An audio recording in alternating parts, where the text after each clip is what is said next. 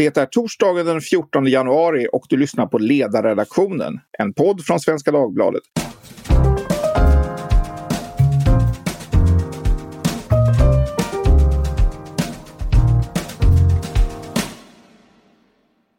Jag heter Fredrik Johansson och idag kommer vi att prata om den pågående riksrättsprocessen mot den avgående amerikanske presidenten Donald Trump. Med mig för att göra det har jag Jan-Erik Larsson som skriver regelbundet här i SvD och som följt amerikansk politik sedan 1960-talet. Samt Olof Ehrenkrona som har en bakgrund som skribent och diplomat och även han en kollega här på ledarsidan. Olof skrev så sent som idag om just den pågående riksrättsprocessen. Ni är båda hjärtligt välkomna. Tack. Ja. Tack, tack. Ja, igår fattade då representanthuset det historiska beslutet att ställa president Trump inför riksrätt. Beslutet om att döma Trump kommer att fattas av senaten. När är väl i skrivande stund inte klart. Och det är en av de frågor som vi kommer att diskutera här idag. Beslutet är historiskt av flera skäl. Dels är det exempelvis första gången en president ställs inför riksrätt två gånger under sin, mandat, eh, sin ämbetsperiod. Dels har aldrig ett så stort antal kongressledamöter från det egna partiet röstat för riksrätt. Tio stycken. Fyra tror jag det var 1998 när Clinton ställdes inför riksrätt för eh, Monica Lewinsky-affären. Det är heller inte vilka backbenchers som helst som har ställt sig bakom eh, de här tio eh, republikanerna utan bland annat då Liz Cheney som är republikanernas ordförande i representanthuset. Den omedelbara bakgrunden är stormningen av Kapitolium, det vill säga kongressbyggnaden i Washington och den roll som presidenten spelade i denna. Formellt hänvisar man i den resolution som representanthuset ställer sig bakom på den skrivning som finns i konstitutionen som säger att presidenten kan ställas inför riksrätt för treason, bribery or other high crimes and misdemeanors. Där de två första, förräderi och mutor, är tydliga brott men det senare är en bredare definition eh, och som täcker in då det som, eh, eh som president Trump eh, då har ägnat sig åt eller anses ha ägnat sig åt under de senaste månaderna. Det är också för high crimes and misdemeanors som Trump nu anklagas för. Alltså, det är det han anklagas för. Eh, det handlar om vad som hände förra onsdagen. Men resolutionen är bredare och riktar in sig även på vad Trump har gjort tidigare. Anklagelser är, eh, anklagelsen är incitement of insurrection, det vill säga uppvigling till uppror. Och i eh, avslutningen av resolutionen så skriver man så här, vilket kan vara en bra bakgrund kring hur, hur man resonerar. In all this, och då hänvisar man till händelserna förra onsdagen men även då till presidentens, eh, eh, presidentens försök att påverka utfallet i valet i Georgia bland annat. In all this, President Trump gravely endangered the security of the United States and its institutions of government. He threatened the integrity of the democratic system, interfered with the peaceful transition of power, and imperiled the equivocal branch of government. He thereby betrayed his trust as president to the manifest injury of the people of the United States. Wherefore, Donald John Trump, by such conduct, has demonstrated that he will remain a threat to national security, democracy, and the Constitution if allowed to remain in office, and has acted in a manner gross, grossly incompatible, incompatible with self governance and the rule of law. Donald John Trump thus warrants impre- impeachment and trial, removal from office, and disqualification to hold and enjoy any office of honor, trust or profit under the United States. Slutcitat. Eh, så det är ju det han ligger anklagad för eh, nu och som då handlar dels om vad han har gjort under onsdagen men även, även tidigare. Men också då att han utgör ett så att säga, fortsatt hot mot, eh, mot den amerikanska konstitutionen och freden och, eh, och så vidare. Så att det är både tillbakablickande och framåtblickande.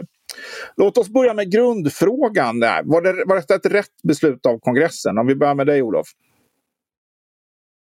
Ja, jag tycker kanske att det här är väl det mest typiska fallet då, då man kan använda sig av impeachment.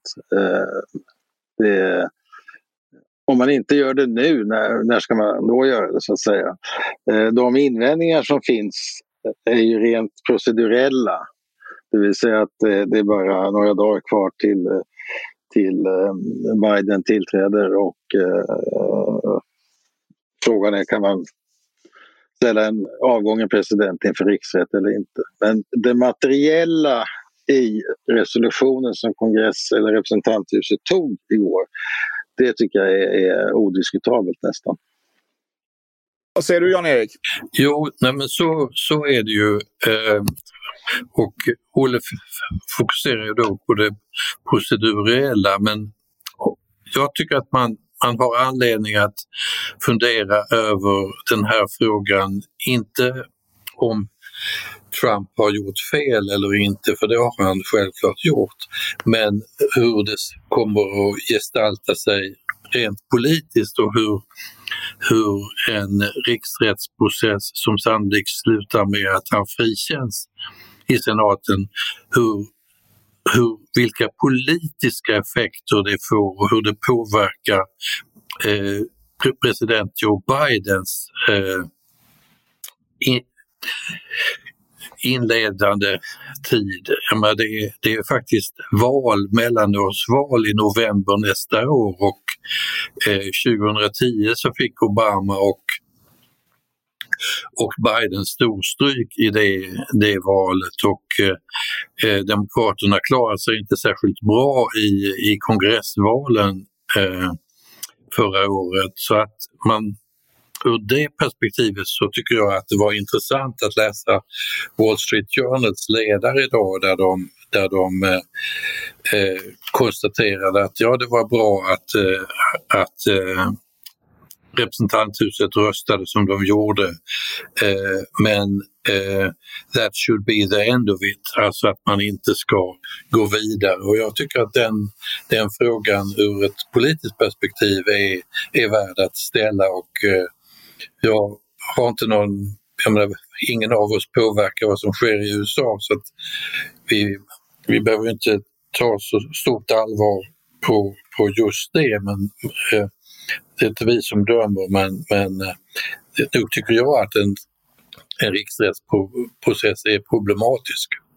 Men det finns ju ett annat politiskt konstitutionellt perspektiv som man kan anlägga på det där som kanske är mer långsiktigt och djupgående eh, utan att för den delen vara mindre problematiskt. Och det handlar ju om, om, om institutionernas integritet. Om, man nu, om vi nu kan vara överens om att det som Trump har gjort är är väldigt grovt i ett historiskt perspektiv och att det är, mm. han har verkligen äh, agerat på ett sätt som, som strider mot, äh, mot hans ed gentemot konstitutionen och så vidare. Mm. Finns det inte ett mer långsiktigt politiskt värde av att, av att, äh, av att kongressen markerar så att säga, sin, också sin konstitutionella roll i det amerikanska politiska systemet? Men då förutsätter du att han blir fälld.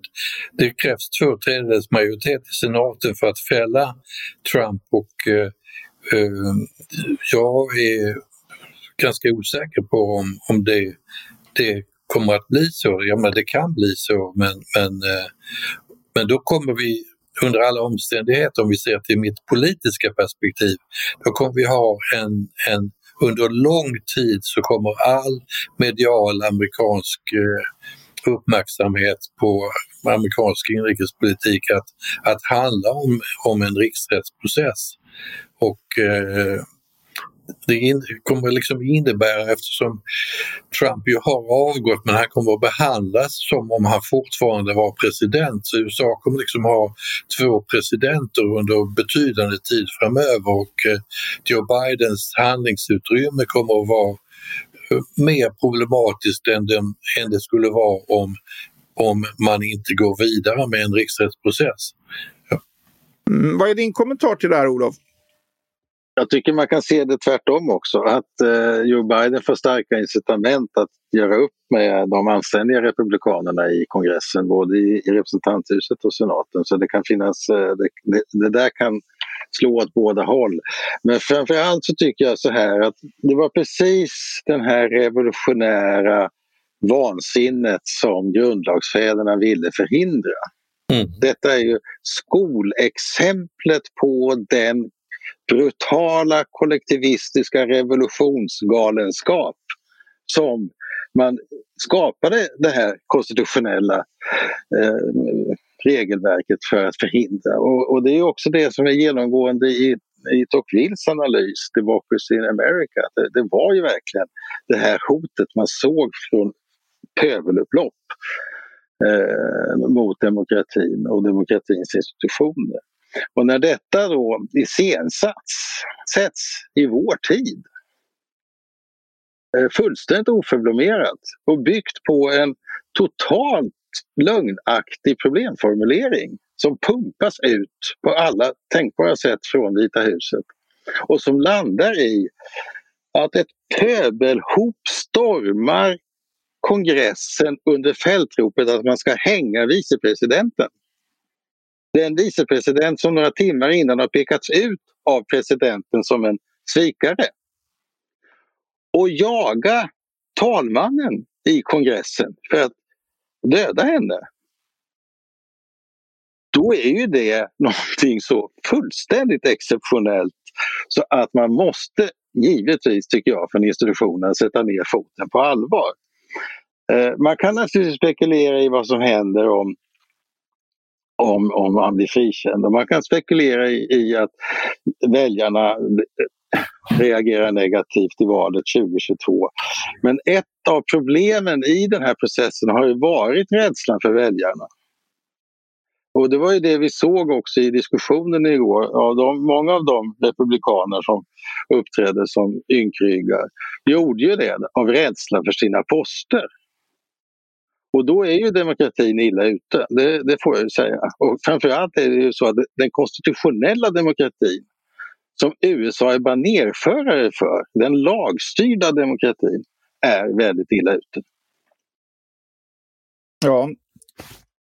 Vad är din kommentar till det? Alltså det, är, det är klart att det här är ju väldigt starka argument för, för hur... Alltså det är ju lite olika perspektiv här. Jag tror att det, ja. det politiska perspektiv du har, Jan-Erik, är ju det som i hög utsträckning sannolikt också kommer att, kommer att påverka var det, var, det här, var det här landar. Medan Olof är ju då inne på att det här, det här handlar om, om upprätthållandet av, av integriteten i det amerikanska konstitutionella, konstitutionella systemet. Ett bekymmer med, med det senare, och jag, jag, är ju benägen att hålla med och det är svårt att, svårt att, att ha en annan uppfattning än att, än att det, det bästa vore att, att Trump då fick bära konsekvenserna för det han, det han gjorde.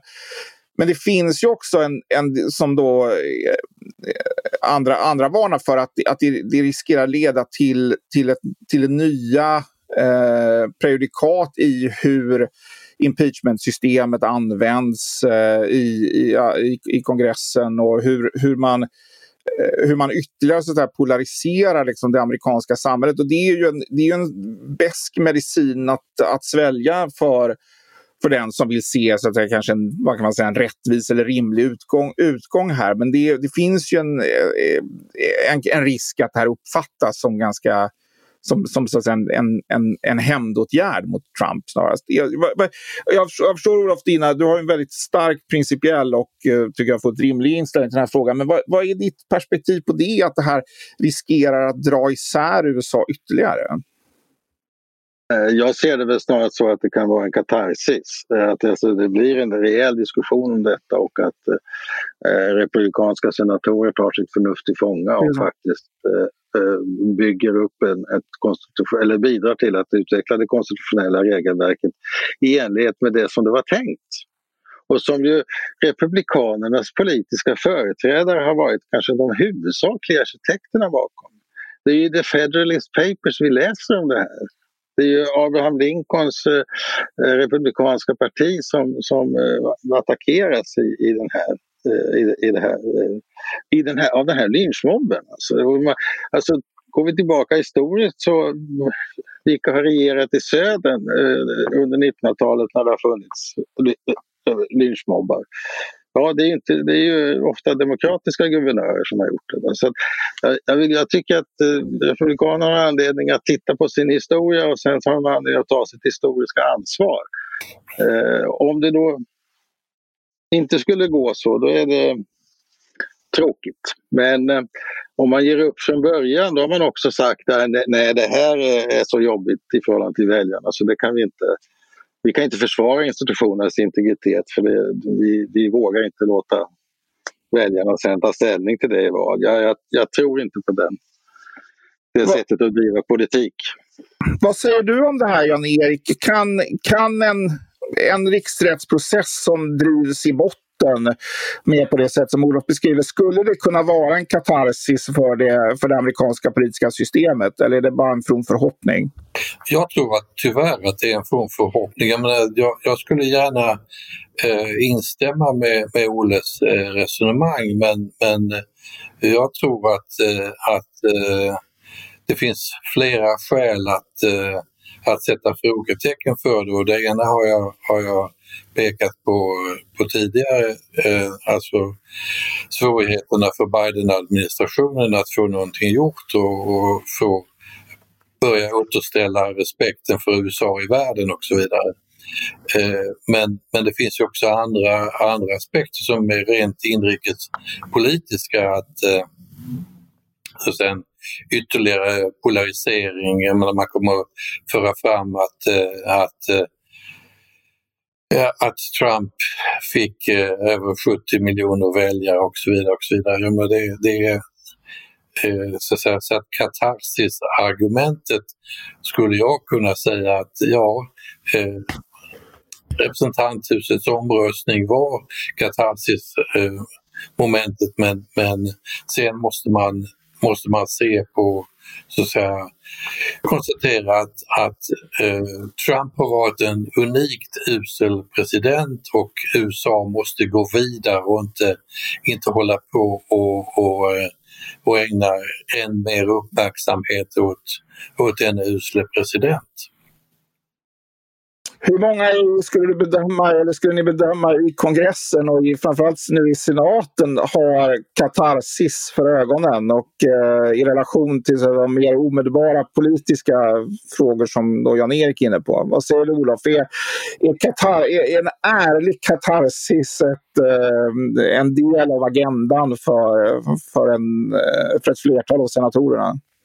Jag tror, det är svårt att säga, men jag, jag tror att eh, ett, ett, om det finns något incitament i det här för Republikanerna så är det utsikten att kunna förbjuda Trump att ställa upp till nya, eh, i ett nytt presidentval.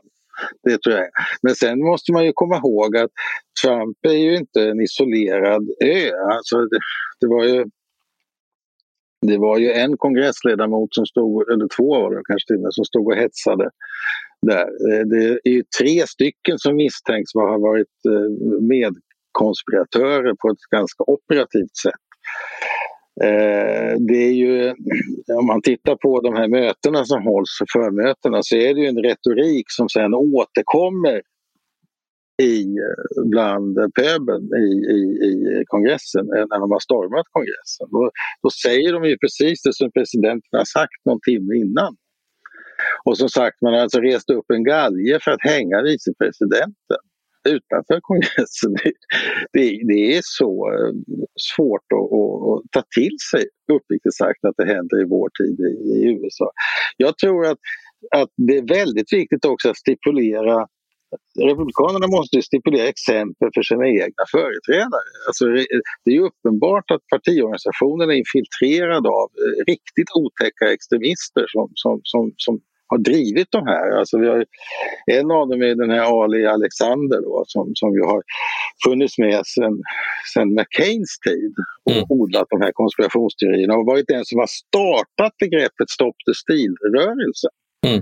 Alltså allt sånt här måste ju rensas ut och då, må, då kan man inte börja med från republikansk sida att förhindra att den huvudsakligt ansvariga för detta kan smita iväg bakvägen som, som Wall Street Journal föreslår.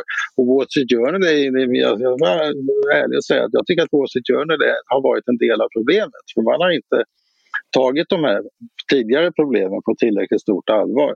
Och det är en del av den Murdoch-press där vi har också Fox eh, som är också en del av problemet. Va? Så jag, jag, man ska betänka att vad, vad, vilka signaler man skickar ut i samhället i övrigt om man släpper iväg Trump bakvägen och säger att nej, det här är inget att bry sig om för han är tokig, bara han. Det är inte bara han, det är många andra också. Men, men alltså, Olle, om vi nu ska vara sakliga här så är det ändå så att det pågår omfattande brottsutredningar eh, mot bakgrund av vad som hände den, den 6 januari. Och det du nämner om, om eh, kongressledamöter och politiker och så vidare som varit inblandade i, i det här förspelet. Där finns ju alla möjligheter till, till så att säga, reguljär eh, lagförande av, av dem. Så det, det är inte så att, att hanteringen just av riksrättsfrågan avgör allt annat. Nej, helt klart Jan-Erik, det är alldeles rätt. Och, och de där brottsutredningarna de kommer vara jätteviktiga. Ja. för det. Och det, det Men det innebär inte att, så att, säga, att parlamentet eller ska säga, alltså kongressen ska avsvära sig sin kontrollmakt och säga att vi, vi, vi glömmer det här. Jag, jag, jag tycker att då, då blir ju bilden att, att eh, de här personerna som har förgiftats av hans vanföreställningar om att valet är riggat och fuskat de åker dit på långa fängelsestraff. Men huvudaktören i detta gör det inte. Det nej. Eh, och man kan ju tänka sig det hemska också att, att en sån som Giuliani eh, bli, eh, går fri då. Det, det, är en ganska hög ribba för att eh, i en vanlig brotts, eh, en vanlig eh, process få kopplingen mellan gärningen som inträffar i kongressen och retoriken före. Det hörde James Comey, före detta FBI-chefen, noterade ju det igår särskilt, att det är en hög ribba. Man får säga väldigt mycket i våldsretorik. Ja, men för det är, om man tittar på det presidenten har sagt så är det jag menar, och det här, det här är amerikansk lag, men, men det är väl just huruvida, huruvida det han har gjort hade, hade hållit i en vanlig domstol är väl är väl inte helt, helt givet. Och det är väl just därför det här high crimes and misdemeanors-uttrycket används. För att det är ju en, en mer, mer av en politisk... Eller det är, det är mer en omdömesbedömning som inte liksom har att göra med, med vad som är ett uppenbart lagbrott. Vilket de två... Alltså treason och bribery är ju liksom är ju brott. Men det här är, ett, är en mer, eh, en mer bredare, bredare definition. Precis, och det är viktigt att ha klart för sig det, att det är den breda definitionen som är parlamentets grej mot Trump. Vad den innefattar eh, lögnkampanjen om, om att valet är stulet och det innefattar försöken att få 11 780 röster eller vad det var extra från valförrättaren för att vinna Georgia. Eh, och det är naturligtvis också talet innan, innan upproret mot kongressen. Det är hela den här bilden som, som kongressen måste gå på. Men de enskildheterna i det här, hur det skulle utfalla i en amerikansk domstol, det är nog ganska osäkert. Men däremot de kongressledamöter, om de har varit med och rekognoserat för paramilitära enheter innan i kongressen som det, som det antyds eh, i nyhetsförmedlingen, då är det ju en annan sak. Va? Då är det långa fängelsestraff som väntar. Om vi går in på den här, vi har ju varit på det här några gånger nu, men vad som kommer att, vad som kommer att hända då om, om senaten kommer att vi har pratat mycket om dem, huruvida de borde fälla honom eller inte, men kommer de att göra det? Vad är din bedömning där, Jan-Erik? Ja. Om, de, om de överhuvudtaget tar upp det här. Jag, jag, kan inte exakt den formella gången, men vad är, vad är, vad är möjligheten att han så att säga, blir fälld där, skulle du säga? Ja, eh, förra gången så röstade ju alla eh, republikanerna mot att han skulle bli fälld och eh, jag tror ju att det kan vara, vad är det, det behövs, det är 17 röster, 17 republikanska röster som behövs. ja, omkring 17. Och jag är ganska osäker på att man kan, kan få till stånd det och Eh, men, men mina, mina huvudargument är fortfarande det politiska och eh, synen på USA och synen på, på, på Bidens förmåga att, att teckna en annan bild av USAs roll både hemma och i världen från det att han tillträdde. Och då skulle jag se det som, som eh, olyckligt att, eh, att man fokuserar under lång tid framöver på, på den här idioten Trump.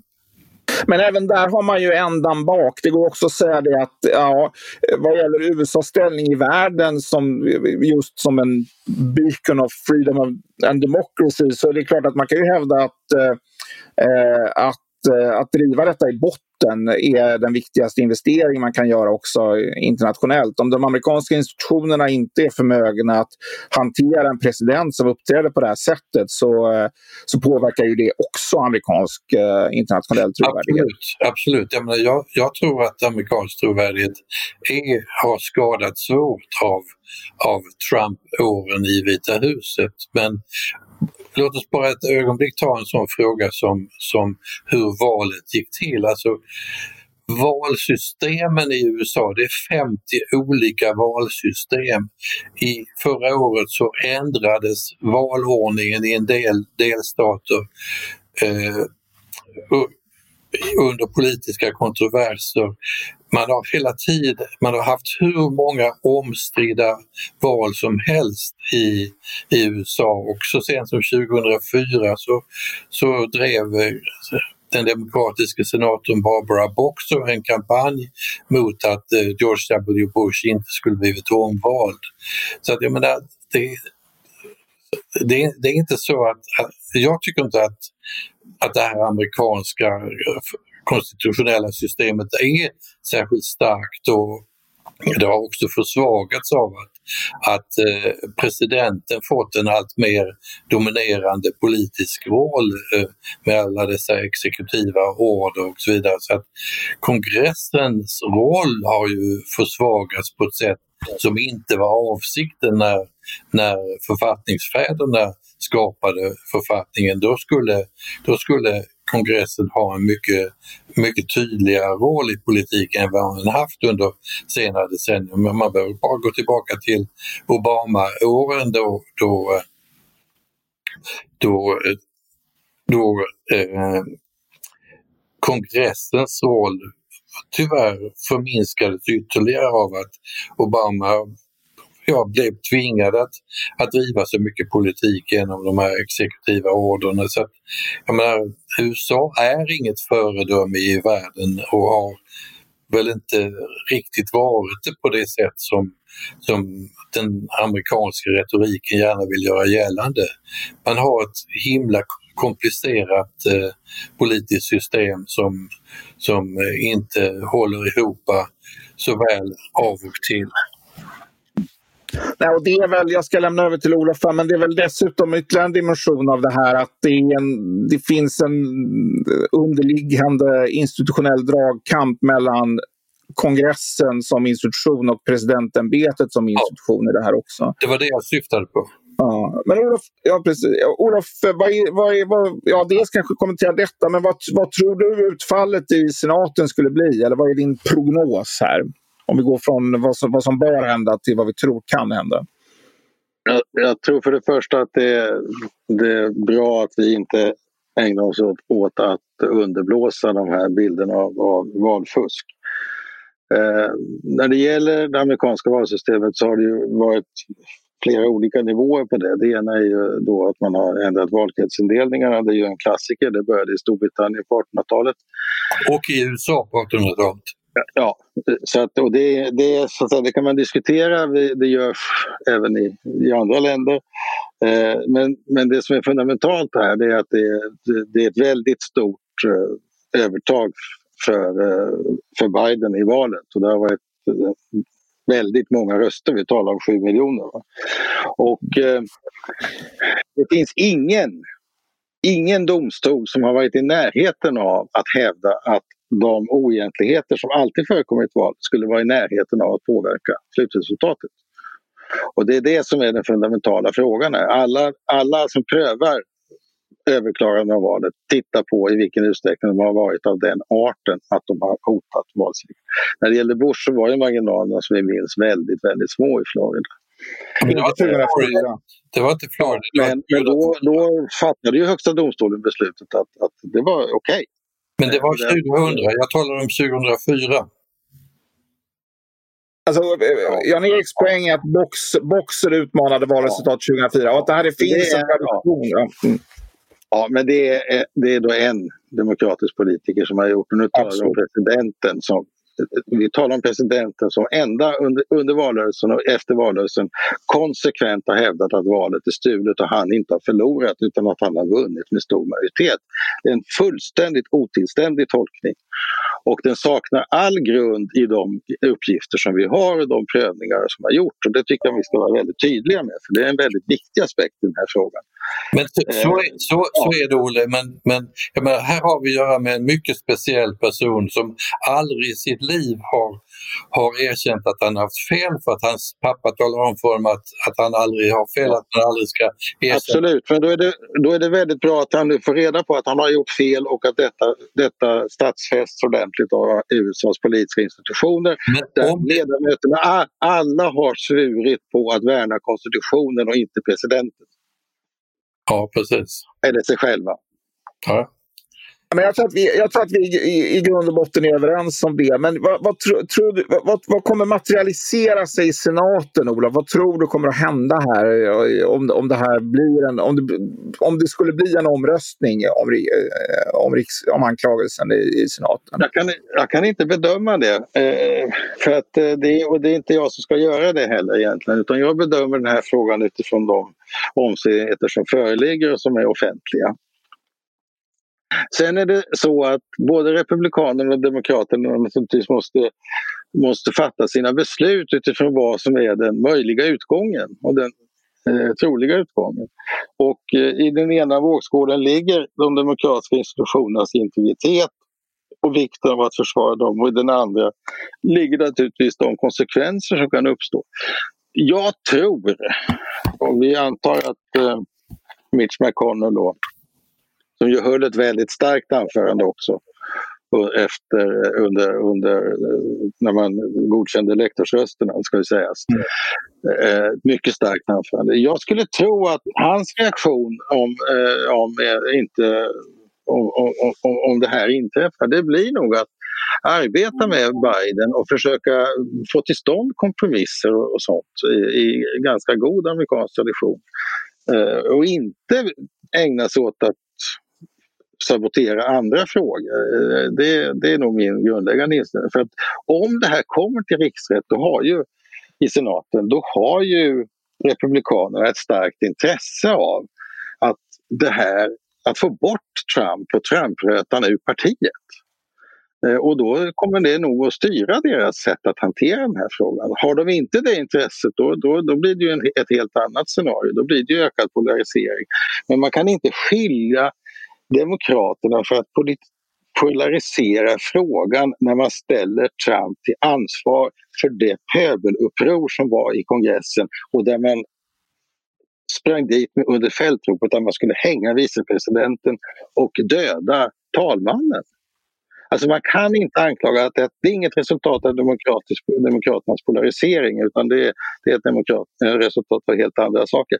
Sen vill jag också säga det att om Demokraterna driver den här frågan på det sätt, det, med det integra sättet och det sätt som det verkligen handlar om, nämligen institutionernas väl och ve. Då är det också en läxa för de i Demokraterna som inte har eh, hjärtat på rätta stället när det gäller demokratin och friheten och sambandet mellan demokrati och frihet. Men eh, allt det här är ju, är, är ju riktigt, men om vi, om vi ser processen framåt. Här, Mitch McConnell har också sagt att, att det är inte aktuellt. Alltså, den processen kommer inte vara aktuell före det att Biden har svurits in, precis som vi pratade om tidigare. Utan det här kommer att pågå under, eh, eh under en period där vi har eh, där, där Trump är en private citizen eh, och vi vet inte hur lång tid det kommer att ta. Ett argument som, som har framförts från, från olika håll det är ju att Trump också behöver ha en rimlig chans att försvara sig. Eh, och det gör att den här processen då, eh, lite grann det som Jan-Erik har varit inne på, att den kan dra in Uh, inte bara långt in på 2021 utan kanske till och med in på 2022. Jag vet inte detta, jag vet inte hur det här procedurellt liksom spelar ut men uh, amerikanska jurister har ju uh, goda förutsättningar att se till att saker och ting tar lång tid. Det, har man ju sett i andra sammanhang. Så att, men eh, och då kommer ju så att säga den här Trump-rötan i partiet kommer ju vara manifest under en väldigt lång period då, den här, eh, då Trump kommer att, kommer att slåss för sin då eventuella politiska framtid. Så det, det, det, är ju själva processen i sig påverkar ju, kommer ju också påverka hur Republikanerna kan klara en eventuell urstädning av den här problematiken. Har du någon, har du någon, Jan-Erik, vad är ditt perspektiv på det? Ja, nej, men, jag, menar, jag, jag önskar att det vore så, men, men jag är inte så, så övertygad om att, att det är så, så enkelt och jag har sett min uppgift i den här diskussionen att bara peka på att det finns andra perspektiv. Alltså eh, Biden regeringens eh, möjlighet att, att, så att, säga, att driva en, en, en politik som är riktad framåt och inte bara att titta i bakspegeln på eländet, fyraåriga eländet under Trump. Och eh, om det kommer att gestalta sig, om Demokraterna kommer att, att, så att, säga, att landa i, i detta. Eh, och att, för det, det skulle innebära att den demokratiska majoriteten i representanthuset inte skickar riksrättsavtalet till senaten. Det är ju själva förutsättningen för, för det resonemanget. Eh, men, men eh, jag kan inte bedöma sannolikheten där. Jag menar bara att, att att, så att, att det finns andra perspektiv som kan mm. komma att, att gälla framöver och jag vet inte vad som kommer att gälla. Jag vet inte vad som skulle hända i en, en riksrättsprocess i, i senaten. Olle kan få helt rätt och, och Republikanerna kanske helt avsvär sig eh, Trump men, men jag är inte helt övertygad om det. Det finns ju som, som vi har varit inne på, det finns ju få eller inga riktigt bra historiska paralleller till det här. Men eh, när Nixon avgick 74 så blev ju han och han var ju då, det var ju under en pågående, om jag inte minns fel, under en pågående riksrättsprocess eh, eh där han då sannolikt hade blivit fälld. Eh, och han blev ju då, efter det att han hade avgått så var ett av de första besluten som, som Ford fattade var ju att benåda honom. Mm. Och där har argumentet varit att bland de som var för, det var ett väldigt kontroversiellt beslut när det fattades. Men ja. i efterhand finns det de som har försvarat det med att, med att det var en förutsättning för att USA skulle kunna gå vidare och sådär. Eh, och även då gissar jag att många framförde argumentet att här har vi ändå en president som har där handlade det ju om att han hade begått ett brott. Han hade då ägnat sig åt att förhindra rättvisan, eller mm. den mm. svenska översättningen av obstruction oh. of justice är. Mm. Eh, och som då, som då han blev, blev benådad för. Men då EU, EU gör ju en del gällande att det var en, ett nödvändigt beslut av Ford för att landet skulle kunna gå vidare. USA var ett mycket mindre splittrat land på det, även om det var splittrat. Men nu är det ju på en helt annan nivå och det är liksom det, vi pratar om, om andra typer av mycket, mycket grövre förseelse även om de kanske inte i kriminell mening är, eller brottslig, brottslig mening liksom är, är, är annat än misdemeanors. Eh, men vad är, vad är, vad är, är Jan-Erik, du, du var, kommer ju ihåg detta, jag vet inte om du, var, du bodde, bodde inte i USA då, men vad, vad är din bild av det, jämförelsen mellan, mellan Ford, Nixon och det som pågår nu med Trump? Alltså jag bodde ju i USA eh, under Watergate-processen så att jag kommer ju väl ihåg den och det är klart att, att det var ju också en, en, en en intensiv process men, men, men intensiv debatt eh, men det finns ju inga jämförelser mellan Nixon och, och, eh, och Trump. Jag menar, eh, Nixon var ju en, en, en på många sätt oerhört skicklig eh, politiker även om han hade sina fel och brister. Och, och, och, och var, men men, men eh, så att Trump har ju varit, tycker jag, en, en katastrof från dag mm. ett. Så att, eh, och det är det som, som också gör att, att, att just, eh, just det här 6 januari, ja men, men eh, den här Ukraina-riksrättsprocessen blev, blev ju liksom ingenting. Det blev ingen, eh, ingen upprättelse för författningsenliga principer. Jag menar, eh, Trump var lika skyldig då eh, till, till, och hade gått eh, långt över gränsen för vad som, vad som var rimligt eh, att, eh, i hans agerande där i Ukraina. Så jag menar, ty tyvärr så, så det där med principer är, är, är, bra att ha men man ska använda dem eh, med förnuft och måtta tror jag. Olof, har du någon kommentar till det här sista? Jag, jag vet inte vad du, vad du ser. Ja. Ja, men, nej, men det är klart jag har. Att det här, här finns en fundamental åsiktsskillnad mellan mig och Jan-Erik. Så är det bara. Eh, och låter, låter, vi kan låta det vara vid det. När det gäller Nixon så var det ju faktiskt på det viset att han avgick frivilligt. Eh, när mm. Goldwater och de här kom upp till eh, Vita huset så fick man, mötte de statschefer som förklarade för dem att säg nu ingenting om det här med riksrätt. För vi har fått honom att avgå frivilligt så ta bara emot det beskedet. Men gör ingenting. för då kanske han ändrar sig. Eh, mm. Så att det var ju liksom, han avgick frivilligt och för det blev han benådad av, av Ford. Och det, var, det, det kan man ju ha synpunkter på naturligtvis, absolut. Eh, men det var ändå inom ramen för konstitutionen. Eh, det här är då, det här är ju, det här är ju ett högförräderi egentligen mot konstitutionen. Det är ju liksom den, konstitutionens främsta väktare som inför hela amerikanska folket svär att värna konstitutionen gör precis tvärtom. Han skapar en våldtäkt, bokstavligen, av, av eh, kongressen eh, genom sin retorik under från, ja, inte bara från valnatten utan även före valet så, så skapar han den här vanföreställningen om att valet är stulet. Och sen så, så landar det i den här fruktansvärda händelsen som, som ju är eh, oerhört allvarlig. Det finns ju en del element i det här också som vi inte utreda än. Och en sak är varför var säkerheten så svag? Varför tog det så lång tid att få dit nationalgardet? Eh, Självklart ska Trump få rätt att försvara sig och det finns element i det här där det kan visa sig att skulden är ännu större än vi känner idag. Eh, men att eh, receptet skulle vara att kongressen avsvor sig kontrollmakten Eh, och låter honom slinka ut bakvägen för att hantera sina skulder med Deutsche Bank och vad det är som Wall Street Journal säger. Tycker inte att det är värdigt faktiskt. Jag tycker inte det. Och det, för mig är det en, en, en, en, inte bara en viktig principfråga utan det är också en tilltro till den konstitutionella demokrati som jag har jobbat med hela mitt liv. Det är ju samma konstitutionella demokrati som vi har i Sverige och som vi har, där vi har ägnat oss åt att jobba med maktdelning och sådana saker för våra väljare. Eh, och så ska då det republikanska partiet av, av till stor del feghet om sina, och rädsla för att förlora sina egna positioner och undergräva tilltron till detta. Det känner jag som en, personligen en betydande bitterhet inför faktiskt. Jag måste säga det. Så det, det, det, är principer och det är viktigt med principer i politiken när det handlar om att värna institutionerna. Det, det är jag väldigt bestämd på.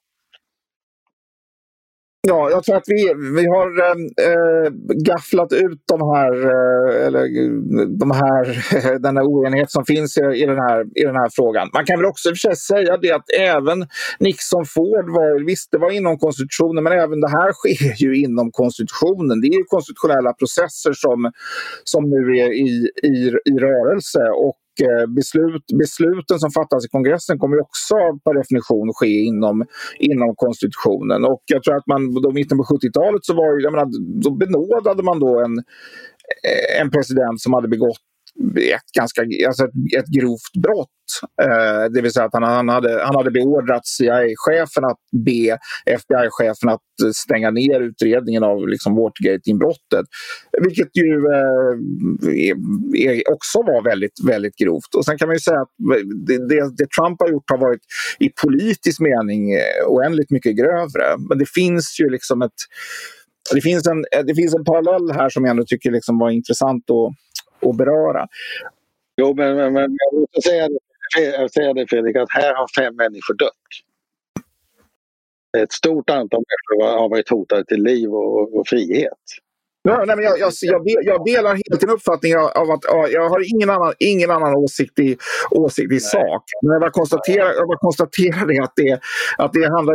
Ja, och jag delar också uppfattningen att man bör, bör driva de här principerna väldigt, väldigt långt. Men det finns ju också en det finns ju, som Jan-Erik är inne på, att det finns politiska konsekvenser av detta i ett samhälle som är, som är betydligt mycket mer polariserat än vad det var 1974.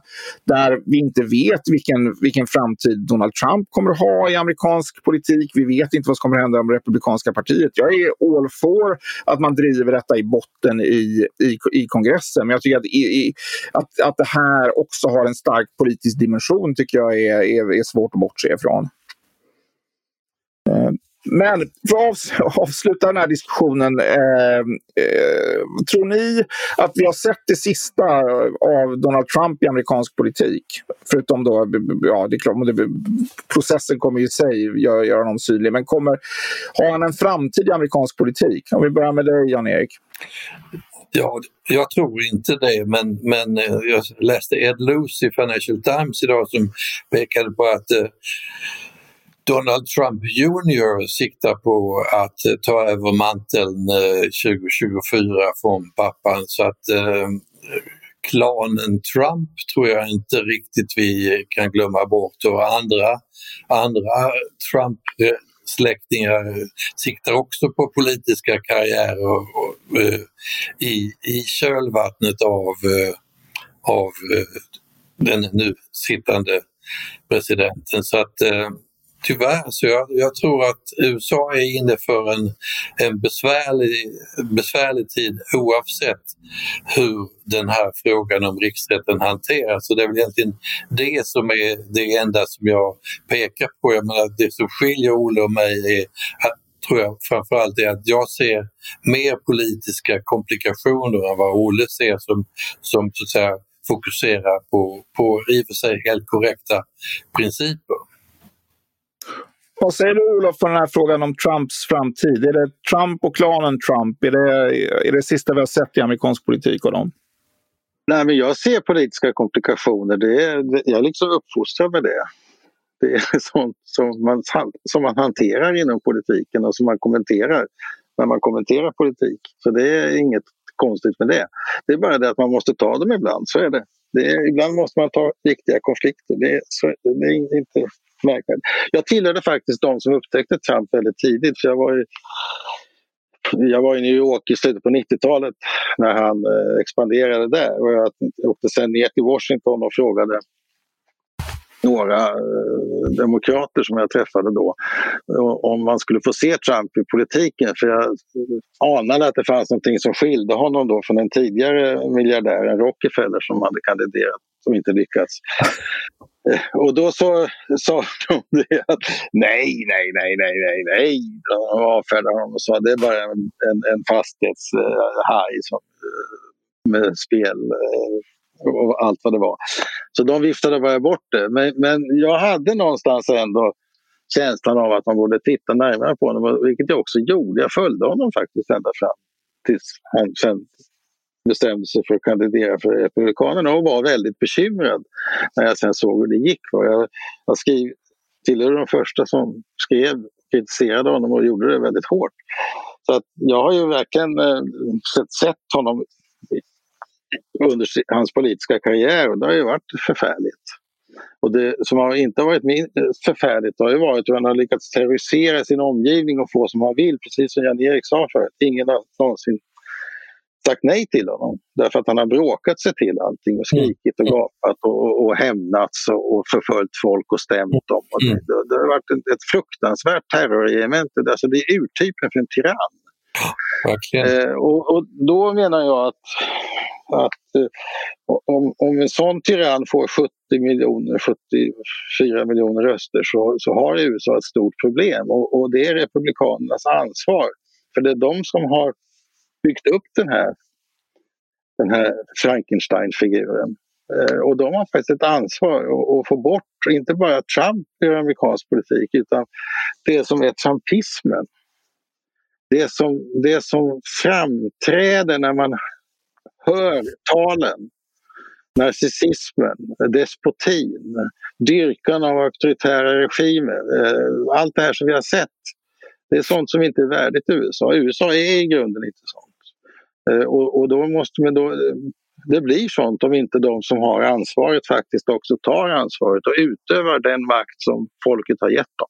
Det är ett jättebra svar på hur det bör vara, men vad tror du? Tror du vi har sett eh, hans, det sista av honom i amerikansk politik?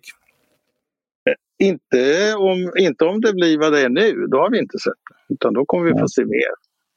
Eh, det hänger på republikanerna? Det hänger på hur man, hur man hanterade efterbörden av det värsta angreppet på USAs institutioner på mycket, mycket länge. Sen inbördeskriget skulle jag säga. Tack så mycket för det. Ni har lyssnat på Ledarredaktionen, en podd från Svenska Dagbladet. Vi har idag pratat om riksrättsåtalet mot president Donald Trump, vad som har hänt och vad som nu kan tänkas hända och inte minst vad som borde hända. Med mig för att göra det har jag haft Jan-Erik Larsson och Olof Ehrenkrona. Producent idag har varit Jesper Sandström. Mitt namn är Fredrik Johansson och har ni synpunkter på dagens diskussion eller på något annat, tveka inte att höra av er till ledarsidan svd.se. Slutligen ett stort tack till dig som har lyssnat.